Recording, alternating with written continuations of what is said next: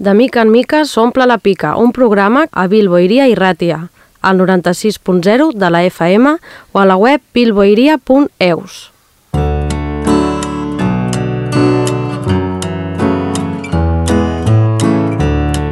L'Aixopluc amb Roser Urgell.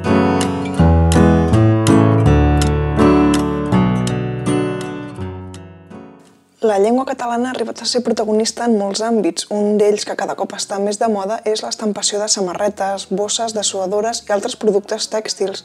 Marques com La Incorrecta, Faves Comptades, Insensats o Català Il·lustrat són iniciatives que impulsen la llengua i la cultura catalana al mercat. Avui a la Xupluc coneixerem aquests quatre projectes del territori que, tot i ser bastant diferents a nivell de concepte i de personalitat, tots tenen una cosa en comú – que aposten per fer productes relacionats amb la llengua i que així posen de moda el català.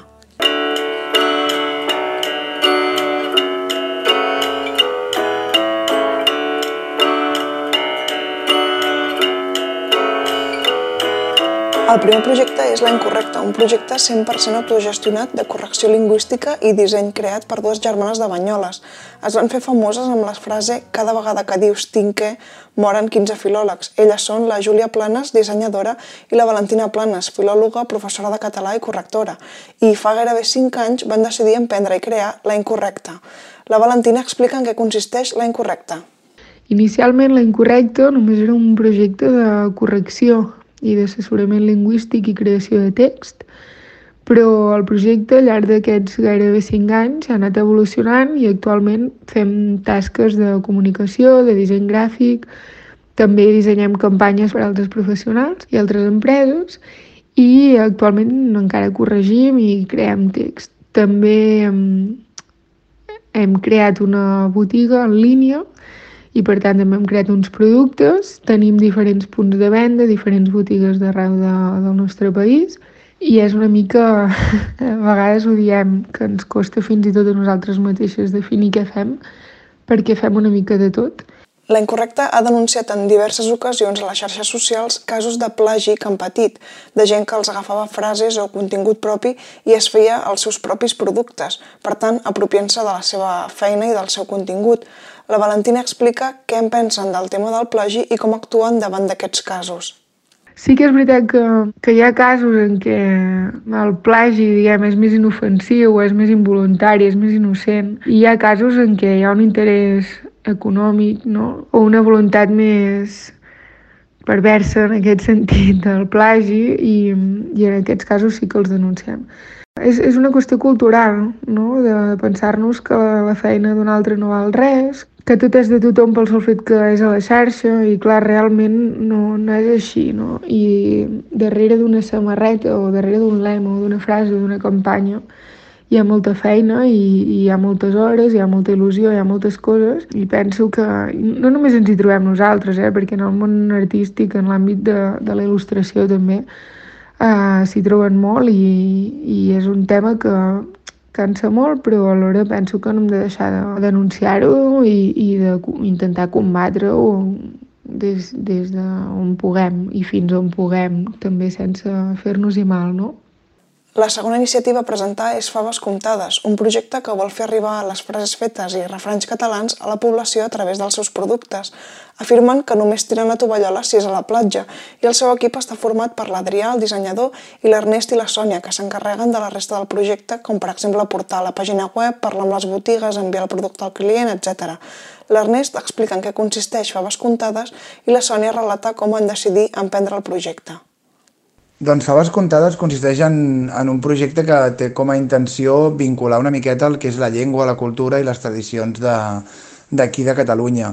Inicialment va començar amb un Instagram que tenia com a intenció i com a pretext una miqueta jugar uh, dins de les xarxes, interactuar amb els possibles seguidors i fer-ho a través de, de les frases que havíem sentit i havíem escoltat a casa nostra durant tota la vida, és a dir, frases fetes, refranys, frases típiques populars, etc. I així és com va començar una miqueta i amb el que consisteix. Actualment, evidentment, s'ha desenvolupat molt més i ha deixat de ser només un Instagram, però inicialment la, la idea principal era, era una miqueta aquesta.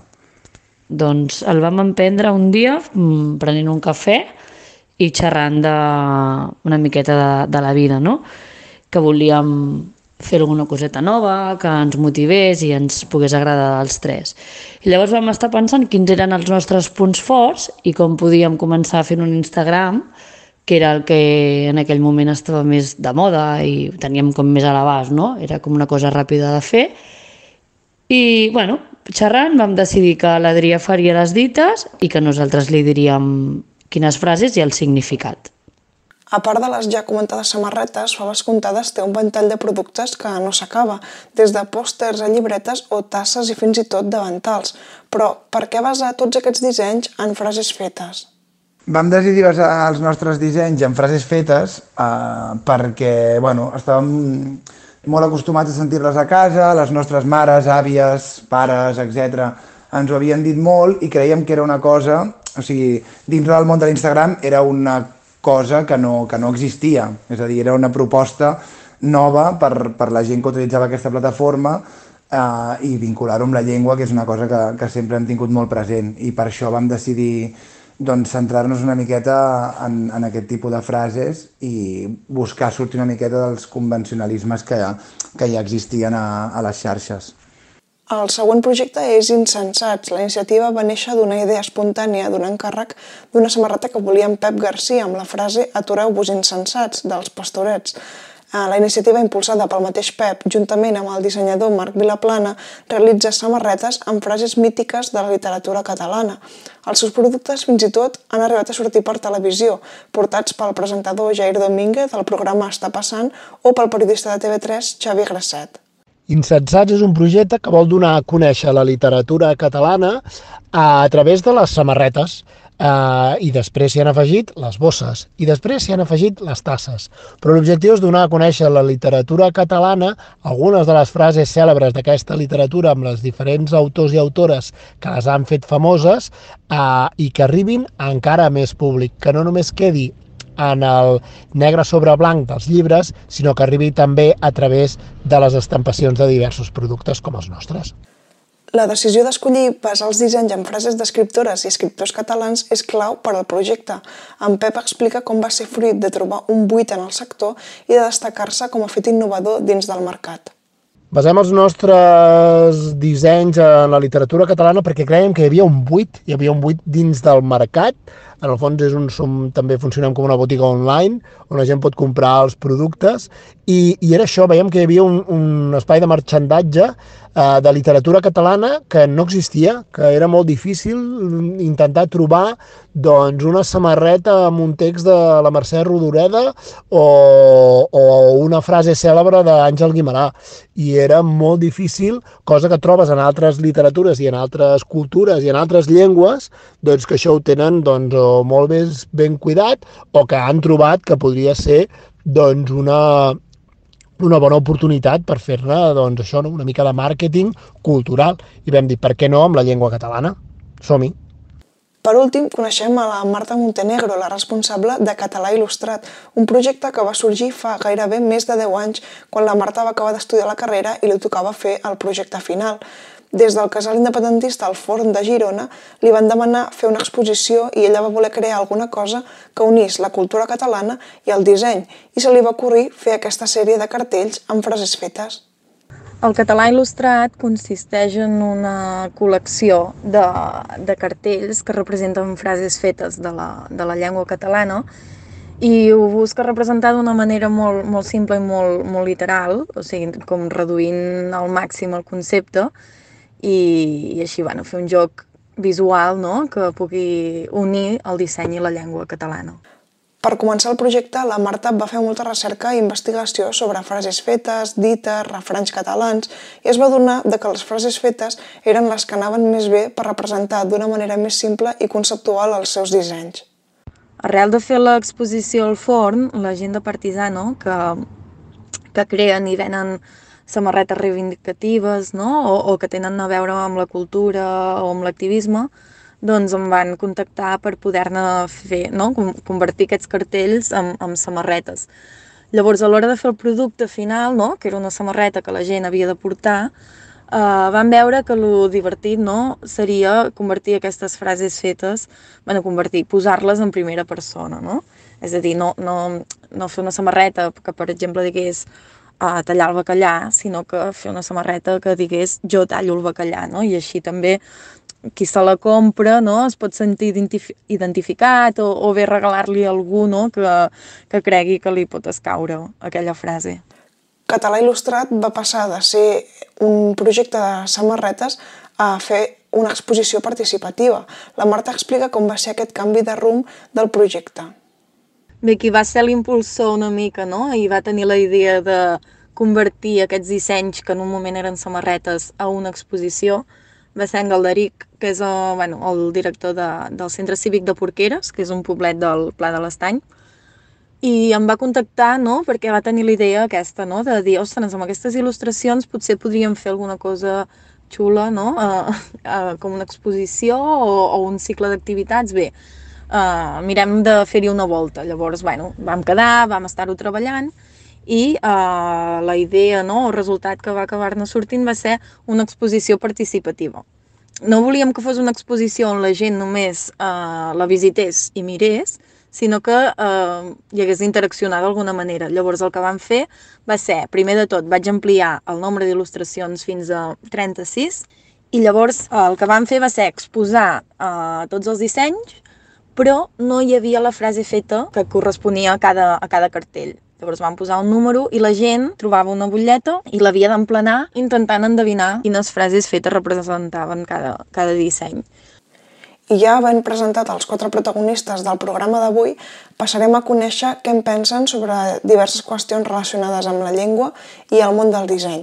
La primera qüestió és pensar en el paper que pot tenir l'ús del català en els dissenys de samarretes, de suadores o bosses. És a dir, l'idioma propi és un dels fets a tenir en compte a l'hora d'impulsar un projecte de disseny? La llengua és important en el món del disseny? Sí que pensem que, que la, la llengua és, és important en el, en el món del disseny perquè al final el disseny té com a intenció comunicar i la llengua és una de les eines més, més bàsiques per, per poder-ho fer i la veritat és que nosaltres sempre ho hem tingut molt clar que ho faríem, que ho faríem en català perquè, perquè és la nostra llengua i perquè pensem que, que a partir del disseny eh, es pot i s'hauria de comunicar també en, en, en qualsevol llengua i per tant també en català. Creiem que sí, que la llengua és molt important en el món del disseny, ja sigui per la seva absència, perquè es busca un disseny universal en el qual no necessiti paraules, però en el moment que es necessiten les paraules, la llengua hi té molt a dir. I en el nostre cas, amb la llengua catalana i amb la literatura catalana, encara més, ja que és una llengua minoritària si la considerem amb llengües molt més parlades com podrien ser l'anglès o el xinès. Bé, més que dir que la llengua és important en el món del disseny, potser diria que el disseny és important com per explicar qualsevol contingut, no? És a dir, mm, el disseny una mica té l'objectiu o és l'eina, no?, per explicar visualment eh, molt clarament i molt directament una cosa, no? I que, i que com més bo sigui el disseny, eh, doncs millor s'entendrà aquella idea, aquell contingut, llavors ho veig més com una eina per poder transmetre i comunicar les coses de la millor manera.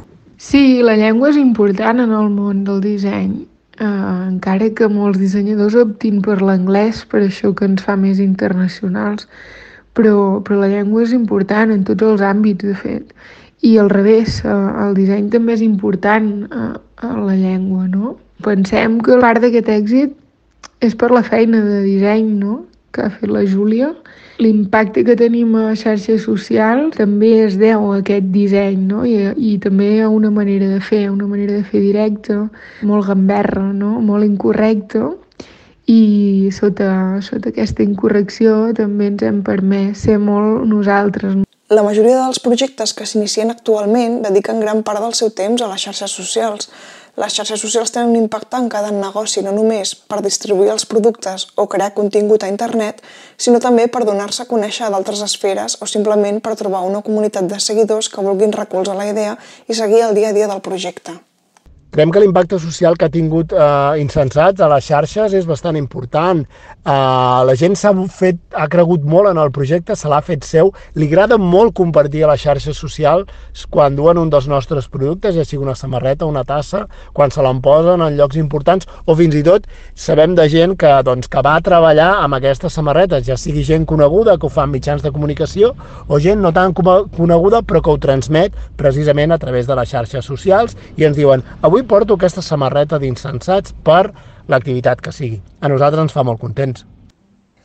Les xarxes socials han tingut un, un impacte important a la nostra marca. Al final nosaltres ens hem donat a conèixer per tot Catalunya, per de Balears, València i de més, gràcies a això, no? És una eina de comunicació molt important i, i sí, sí, ens ha donat una, una oportunitat per conèixer nous punts de venda i, i molts seguidors i clients potencials. Com hem vist, hi ha persones que s'han animat a engegar projectes que tenen en compte la llengua i la cultura i que, en gran part, volen difondre unes idees. Però, i si ho pensem al revés? Poden aquestes iniciatives arribar a influir en la llengua, en aquest cas, en el català?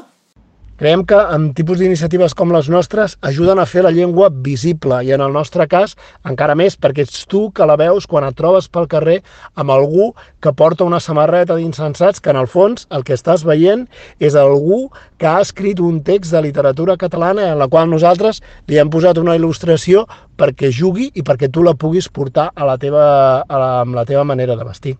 Crec que totes les iniciatives i projectes que puguin agafar un contingut o un, un àmbit o una, no sé, una història que normalment s'ha transmès o explicat d'una manera en concret, uh, pensar o, o, o crear un, un format uh, més modern, més nou, més associat al disseny, amb més interacció, amb un, fins i tot bueno, una estètica més atractiva també, tot i que hagi de complir la part funcional, bueno, doncs pot fer que tingui més presència o que la gent s'hi fixi més, no? Llavors, crec que sí que pot influenciar simplement a poder-hi parar més atenció o fer interessar més a, a la gent amb, amb aquell contingut en concret. Nosaltres uh, humilment pensem que és una manera de, diferent de comunicar i de fer arribar unes frases que estan força en desús i per tant creiem que avui en dia amb el pes que tenen les xarxes socials dintre de, de la societat en general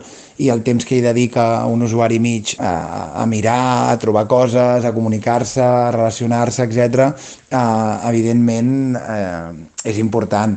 Llavors volem pensar que projectes no només faves comptades, sinó projectes que englobin llengua, cultura, tradicions, etc., doncs, doncs són importants. De fet, ens hem trobat en, amb diferents persones que porten poc temps vivint a Catalunya, que s'han posat en contacte amb nosaltres per agrair-nos una miqueta o per explicar-nos que els hi funciona i que els hi agrada molt, perquè al final és una manera fresca i diferent de, de, de poder aprendre. I també tenim constància doncs, de que en alguns centres educatius doncs, han utilitzat la nostra pàgina web, el blog, l'Instagram, doncs, per treballar aquest tip d'expressions, de frases i al final per, per treballar una miqueta la llengua en general.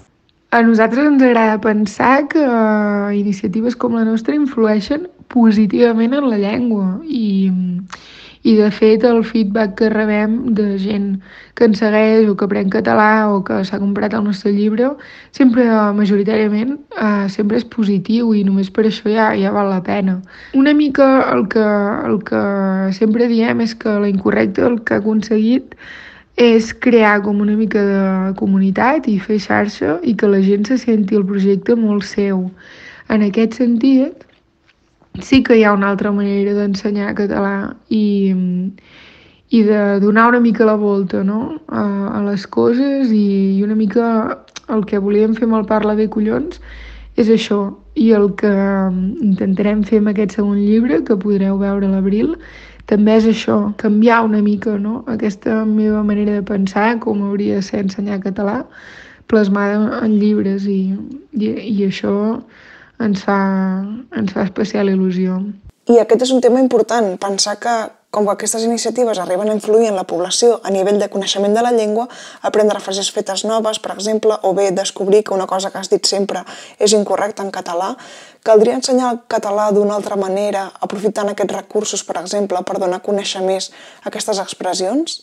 Sí que és veritat que els nostres joves veuen les expressions del català, les frases fetes, com una cosa molt llunyana a ells, no? que els queda molt lluny i també és tasca nostra crear referents i crear nous materials i continguts que hi siguin d'interès i sobretot que siguin útils per als nostres joves, per tal que no es perdi tota aquesta informació, tradició i cultura, que al final la llengua és el que ens explica i el que ens fa. Nosaltres som una miqueta del parer que tot suma, d'alguna manera, que, que comunicar en català, sigui a través d'aquestes frases o de qualsevol manera, que qualsevol persona que pugui tenir un mínim d'altaveu o que pugui utilitzar la llengua de manera natural i, i sense complexes, doncs influeix, diguéssim, en, en la llengua. Al final, com, com més normalitzem l'ús del català en totes les esferes, doncs més vida tindrà i més fàcil serà, serà cuidar-lo.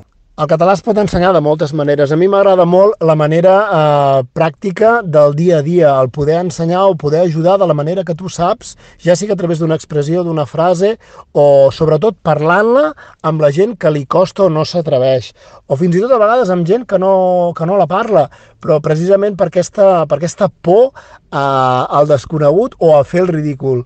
No, la millor manera d'ensenyar-li és tenir paciència i donar-li un cop de mà trobo que tot el que es pugui fer mm, de més no? Mm, per poder conservar doncs, aquest tipus de llenguatge més popular que potser només el parlen els avis i les àvies ara i que la gent més jove doncs, potser ja no el fem servir més, doncs bé, sempre com no? Mm, recuperar coses que es van perdent, crec que és important.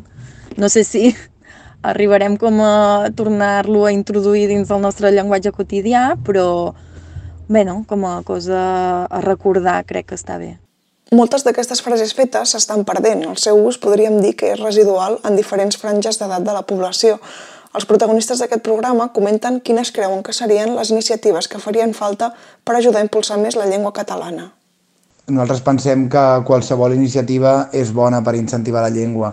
Hi ha moltes maneres de fer-ho, però al final, primer com a, com a ciutadà, doncs, utilitzar-la uh, sense complexes i, i a tot arreu, és la, la principal i la més important.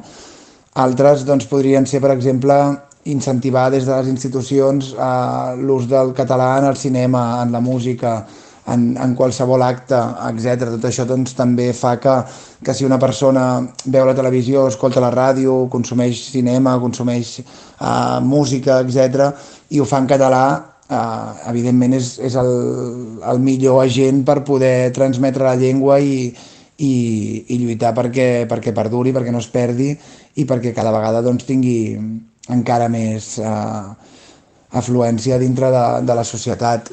Caldrà invertir en iniciatives i, i per poder invertir i impulsar aquestes iniciatives cal un, un compromís polític real. El català es troba en una situació d'emergència lingüística i, i ara es tracta de què serem capaços de fer des de les institucions principalment i també dels, dels projectes petits com el nostre mm, a veure què, què, què hi farem entre tots plegats però està clar que, que sense un compromís polític real serà com a mínim complicat per no dir impossible.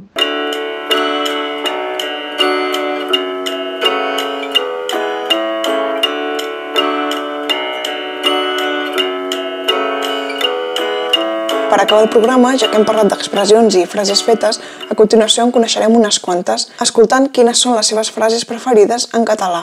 Faré una mica de trampa i no, no triaré una frase feta, sinó un refrany que m'agrada molt, que és el de si no vols pols, no vagis a l'era.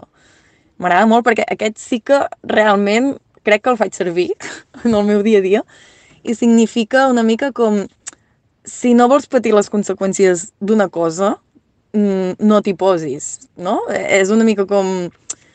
Si saps que fent aquesta cosa mm, rebràs o passarà això, després no et queixis, no? Sigues conseqüent amb, amb el que fas. Una de les meves expressions preferides en català és remenar les cireres, que significa manar o tenir poder d'influència.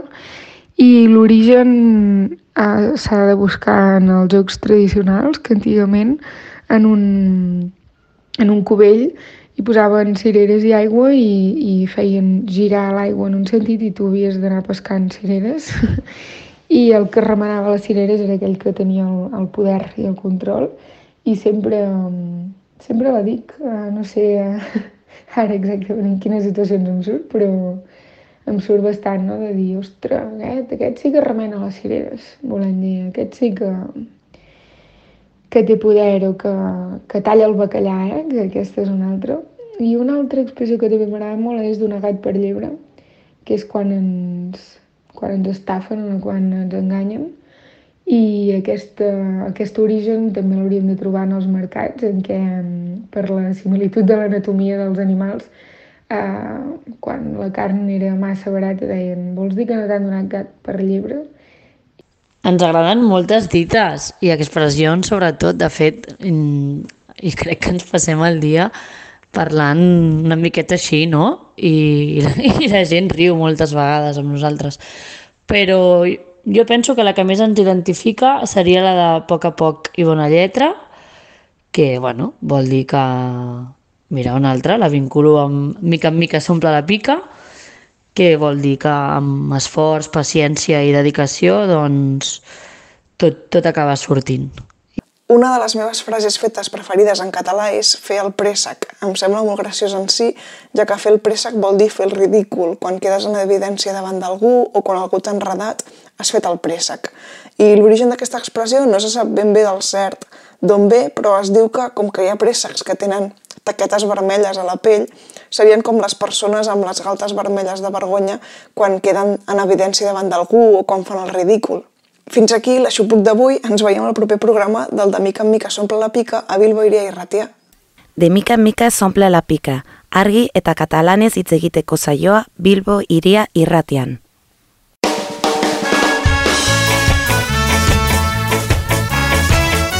Un cafè amb Clara Garcia.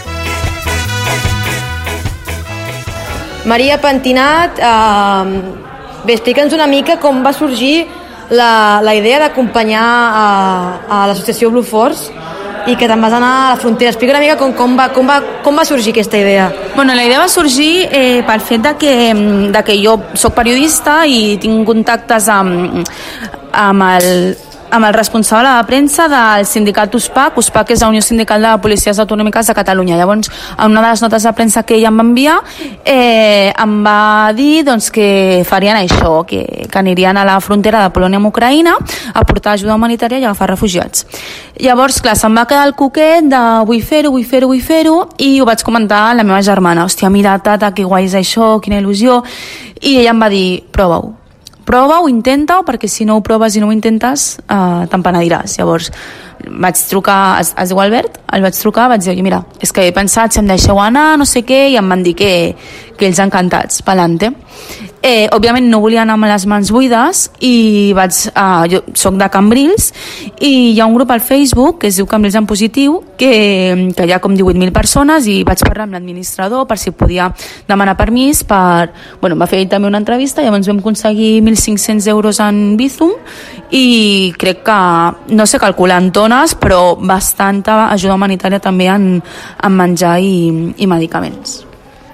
Vale, llavors, mm, diguéssim, no, comences l'expedició, eh, primer, tu ets de Cambrils, però no va sortir de Cambrils, no? no. No, no, jo sóc de Cambrils però visc a Barcelona eh, des, de, des del 2014. Llavors l'expedició jo la vaig començar realment a divendres perquè vaig anar a dormir a casa d'un policia. Viatjàvem cinc Mossos d'Esquadra, cinc policies, un altre periodista i dos taxistes voluntaris, que, ah, bueno, un advocat, advocat d'USPAC i dos taxistes voluntaris que van decidir també doncs, fer ajuda humanitària i portar refugiats. Llavors eh, jo vaig sortir dissabte passat, dissabte dia 11 o 12, dia 12 crec que era, eh, a les 8 del matí des de Sant Celoni. Va sortir tota l'expedició cap allí. Vam fer nit a Montpellier, després la segona nit vam, fer, vam ja dormir a Cracòvia i ahir ja la idea principal era tenir la base logística a Cracòvia i a partir d'allí ja anar-nos movent segons eh, entregues de material i recollida de refugiats, però eh, què passa? Que el dia anterior, quan nosaltres estàvem a Montpellier, va haver un bombardeig a 20 quilòmetres de la frontera principal on ens havíem de moure. Llavors, eh, els contactes d'Ucraïna ens van demanar si podien portar l'ajuda humanitària des d'Eslovàquia. Llavors sí que aquell dia els policies van anar a Eslovàquia i els que som els dos periodistes i les dues taxistes ens vam quedar per la zona de Cracòvia doncs, fent entrevistes, mirant gent i tal. I ja aquella nit vam dormir en pobles, però eren pobles que estaven molt a prop de la frontera. I cada nit anàvem canviant d'hotel segons les necessitats, o vale, demanda d'agafar cinc refugiats o cinc famílies en un lloc, doncs és que ara estem a dues hores, ens és millor canviar d'hotel. Però quasi tot era frontera de Polònia amb, amb Ucraïna. Uh -huh. Vale, posem que també tenim primer contacte amb els refugiats. tu personalment el- els vas veure, no imagino? Sí, sí, sí, els vaig veure. De fet, una de les coses, perquè quan tu saps el que faràs, eh, quan tu saps el que faràs, eh, tu ja t'imagines eh, què és el que veuràs, on et ficaràs, què és el que t'esperes i tal, però tot i així és ja un factor sorpresa que tu no ho saps tot i no saps què és tot el que veuràs. Llavors, eh, una de les coses que més mal em va fer o que més em va sorprendre o que no m'esperava era el fet de que un dia estàvem dinant un grup de, dels meus companys de l'expedició estàvem dinant els meus companys de l'expedició i de sobte se'ns van sentar dues famílies al nostre costat i era com, si no sé qui ets, saps? I era una de les refugiades i clar, em va sorprendre molt el fet de dir, hòstia, dinarem amb aquestes persones rotllo que acaben de perdre la casa o acaben de perdre-ho tot, no? I això sí que em va xocar molt, però, i després també el viatge de tornada, sí que les, les famílies venien amb un autobús i menys una, perquè aquesta una portava un bebè d'un any i clar, l'autobús va venir, tenia xòfers, va venir directament, van ser 24 hores de trajecte perquè anaven amb nens ja més gran, però la família aquesta per logística, per al lloc on havien d'anar després aquí a Catalunya a dormir i tal eh, aquestes fami aquesta família va venir amb nosaltres i també feia nits als hotels i tot això, no? llavors doncs van ser potser dos dies de tornada a casa amb una mare, el Jaromir, un nen de 10 anys i la Sofia que tenia un any i clar, impacta, impacta el fet de deixar d'anar-los a buscar al camp de refugiats i una, a mi el moment que més més em va costar contenir-me i que vaig dir, lloro, va ser quan vam anar a buscar la família al camp de refugiats, estàvem en una furgoneta de 9 persones, estàvem al davant dos, dos, dos companys i jo al mig, al darrere tot tres companys més i al mig la família, no? La mare, la Júlia, Jaromir i tothom callat, tothom aguantant-nos les ganes de plorar, perquè al final has vist com aquella dona ha sortit d'Ucraïna amb els nens i la maleta, no? Tots aguantant-nos les ganes de plorar y de sobte escoltes al traductor del Google d'aquella dona de eh, muchísimas gracias por lo que habéis hecho por mí, por mi familia y por todo lo que estáis haciendo. I clar, tothom el lagrimón, rollo, no puedo aguantar. I mm. això sí, sí. Les persones que vas conèixer que estaven fugint de la guerra d'Ucraïna, eh, imagino que, bueno, el tema idioma, que seria en anglès. No. Eh, no. Sí que alguna persona intentava dominar l'anglès, però tampoc és que tinguessin un gran, gran, gran nivell, però en general el tema de l'anglès molt malament, o sigui, molt malament, no només les famílies, sinó, per exemple, els, les persones que vaig conèixer que vam voler, que vam entregar el, el material, Adiós, Paco. Les persones que vam entregar el material i tot això no tenien ni papa d'anglès i inclús va haver un, un, un noi que em vaig posar pa parlàvem pel traductor, mm. Rotllo espanyol, ucraniano, i fins i tot a Polònia l'anglès tampoc és que sigui molt dominat, mm. saps? I parlàvem pel traductor i tal. I va haver un, un l'última entrega de material, em vaig posar a parlar amb un noi perquè li vaig dir que era de Barcelona, vam estar parlant de Messi, mm. i pel traductor li vaig dir quan, quan tot això s'acabi estàs benvingut a Barcelona i mirarem un partit del Barça. I em va dir, quan tinguem la victòria, pel traductor, tinc el pantallazo, no? quan tinguem la victòria ets benvinguda a Ucraïna. I això va ser com, hòstia, que, o sigui, estan molt conscienciats també de, del que fan i que volen guanyar, òbviament, mm. saps? Vale. Clar, imagino que també és una situació complicada, no?, pels, pels que som, diguéssim, bueno, d'Europa també ho són ells, no?, però, però veure-ho des de fora, no?, perquè per una banda, uh, o sigui, com estan vis vivint ells la guerra als, als Ucraïna? Eh, això ho he parlat molt poc perquè realment és un tema que no m'he atrevit gaire a que no m'he atrevit gaire a comentar i tal, però sí que jo que sé, jo per exemple tinc una veïna que viu aquí a Barcelona que és ucraïnesa i ella li fa mal perquè té 40 anys, s'ha criat, ha, ha anat a l'escola en rus, s'ha criat amb, amb amics russos, té molta família d'allí i li fa mal perquè és com m'estàs barallant amb la meva amb la meva família, saps? I molta gent que he estat parlant ho consideren com si fos una guerra civil final fa relativament, o sigui, històricament fa relativament poc, es va separar la URSS i tot això, i és com, eren països germans. És com si ara Catalunya se separa d'Espanya i d'aquí 10 anys Espanya envaeix Catalunya i dius joder, jo tinc família a Andalusia, per exemple, no? O tu tens família no sé on, i, i fa mal, fa mal. Sí. Vale. I després un altre tema, que no sé si tu ho sabràs, però potser ho heu parlat perquè el viatge ha donat segurament moltes hores a per si. Eh, Heu parlat del tema de a llarg plaç, quin és el projecte de, la, de les vides d'aquestes persones? Eh, no, no ho he parlat. No ho he parlat, sí que, per exemple, nosaltres, la gent que veníem, que portàvem cap aquí, sí, la gent que portàvem cap aquí eh, era famílies que... Ens, ens quedem fora i després el eh? La gent que portàvem cap aquí era gent que tenien aquí famílies, ¿vale? o sigui, nosaltres el que demanàvem era, vale, dame un contacte, eh, on estaràs i tal, o per exemple molta gent que fins i tot encara ens està passant, ens truquen, és que tinc una família no sé on i necessito que algú la, la tregui. Eh, per què? Doncs perquè al final no serveix de res agafar una persona que no té ningú a Espanya, que fas a soltes de plaça Catalunya i què? Uh -huh. Llavors, mm, suposo que hi haurà gent, per exemple, la, la Júlia sí que tenia aquí una filla i suposo que sí que es voldrà quedar, però també ella va deixar el marit i un fill a la guerra. Uh -huh. Llavors, no saps no saps què volen fer. Ah, per exemple, a l'estació de Cracòvia sí que allí dormen 500 persones per la nit i moltes d'elles estan allí perquè no tenen on anar, no tenen més familiars fora d'Europa i, i no tenen on anar i s'estan esperant a que acabi la guerra per poder tornar al país. Mm. Això depèn molt de, de les famílies. Sí. Mm. Tu com a periodista, però sobretot primer com a persona, no? Eh, podries dir-me algun, perquè suposo que en tindràs molts, algun moment, o quin va ser el moment que et va impactar més, a part del moment de quan veu arribar? Mira, per mi el, el moment que més em va impactar i sobretot com a persona, però perquè vaig dir mm, eh, d'on estàs? O sigui, el meu cap ja va ser conscient d'on estava, va ser quan vaig arribar a Cracòvia, que el primer que vaig veure va ser un comboi de primer eren dos o tres cotxes de la policia i després eren un autobús, policia, autobús, policia, autobús, policia. Potser hi havia 10-15 autobusos plens de refugiats. I dius, joder, és, gent, potser millor estava veient, jo que sé, un autobús quantes persones hi caben 60. Per 10, 600 persones que havien deixat el seu país feia dues hores per culpa d'una guerra. Això a mi em va impactar molt, uh -huh. potser, sí. També una cosa que em va impactar molt, i crec que és positiva i crec que s'ha de donar veu, és la puta ajuda l'ajuda humanitària que s'està donant. És a dir, eh, jo vaig anar al camp de refugiats de Mèdica, que era just a la frontera, o sigui, estava al costat de l'Ucraïna.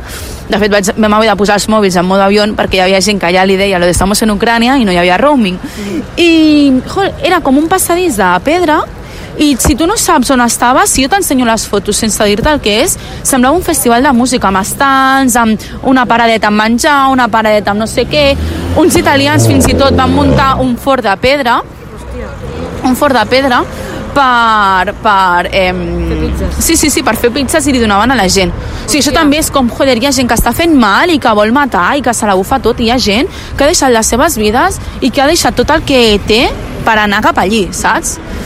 I sí, sí, també més coses que em van sorprendre. Eh, quan parlàvem Vale, vaig fer una, dues entrevistes, una amb un militar de Colòmbia i una altra amb un militar d'Equador. Això també em va sorprendre molt perquè em vaig despedir d'ells i sabia on estaven anant, sabia que estaven anant a Kiev i sabia que se n'anaven a la guerra. I és com, joder, et pots... A veure, em puc morir jo també aquesta nit d'un infart, no? Però és com Tens que tenir més sí, probabilitats. Sí, sí, i quan em vaig despedir del, del, de l'ucranià aquest, el Pablo, que bueno, és amb qui vaig estar parlant pel traductor del Messi i tal, clar, ens vam despedir tots, em va donar una abraçada supercàlida, supersentida i també és allò que dius... Mm, se't queda molt mal cos, mm -hmm. se't queda molt mal cos perquè ets molt conscient d'on estàs anant, mm -hmm. saps? Mm -hmm. Ara, ara un cop arribada aquí ja a Catalunya, no, que vas arribar fa, fa relativament poc, fa una setmana, potser no arriba, cinc dies, eh, explica'ns una mica quina sensació estàs tinguent, com ho estàs vivint... Està sent dur, està sent... Sí que és veritat que m'he fixat, eh, diumenge, per exemple, estava al cotxe amb la meva mare i la meva mare va fer una infracció i, i si hagués passat fa un mes i hagués dit, hòstia, mama, ja està bien, fíjate, saps? Però vaig pensar, no, no em compensa, no em val la pena això sí que m'està passant molt aquesta setmana, no? De, no, m'és igual. Sí. Jo que sé, per exemple, eh, un noi, no?, que, que, que sí que no, que sí que no, i he pensat, bueno, pues si no m'escrius, no em compensa, això sí, no? De, estic com, com aprenent a relativitzar una mica els problemes, de dir, és que, i què? No, no em salvarà de la tomba. Uh -huh. I això, per una banda, no? i després també processar-ho molt, o sigui, sí que diumenge pues, va ser un dia intens, perquè més havia de treballar a la ràdio, és un dia intens, però després el, el dilluns que vaig frenar una mica, que va ser el primer dia de peron, després d'una una setmana dormint malament, de menjar malament i tot això, hòstia, la llorera te la pegues, saps? I hi ha un ratitos que, bueno, que plores i que penses i ho s'ha de processar, al final ho has de processar, mm -hmm. sí. Trobes, trobes algun motiu ara ja del per què s'ha parlat tant d'aquest conflicte i no d'altres conflictes?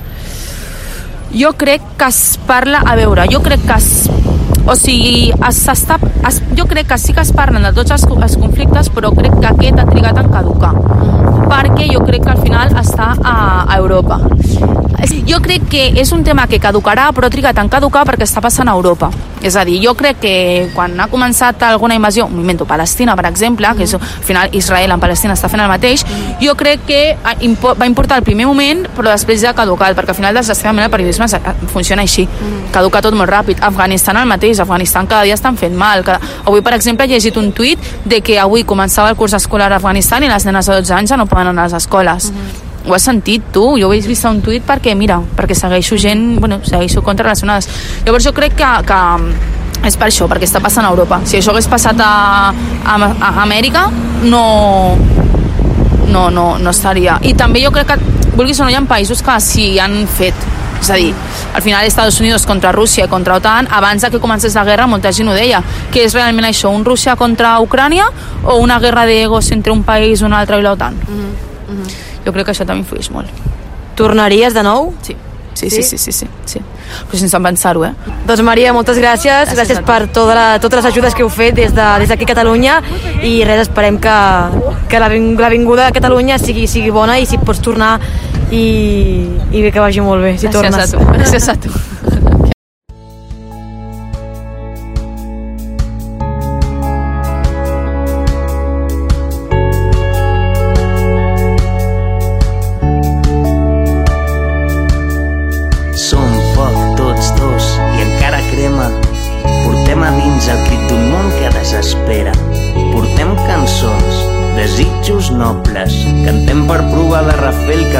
Pobles. Som foc tots dos i encara crema.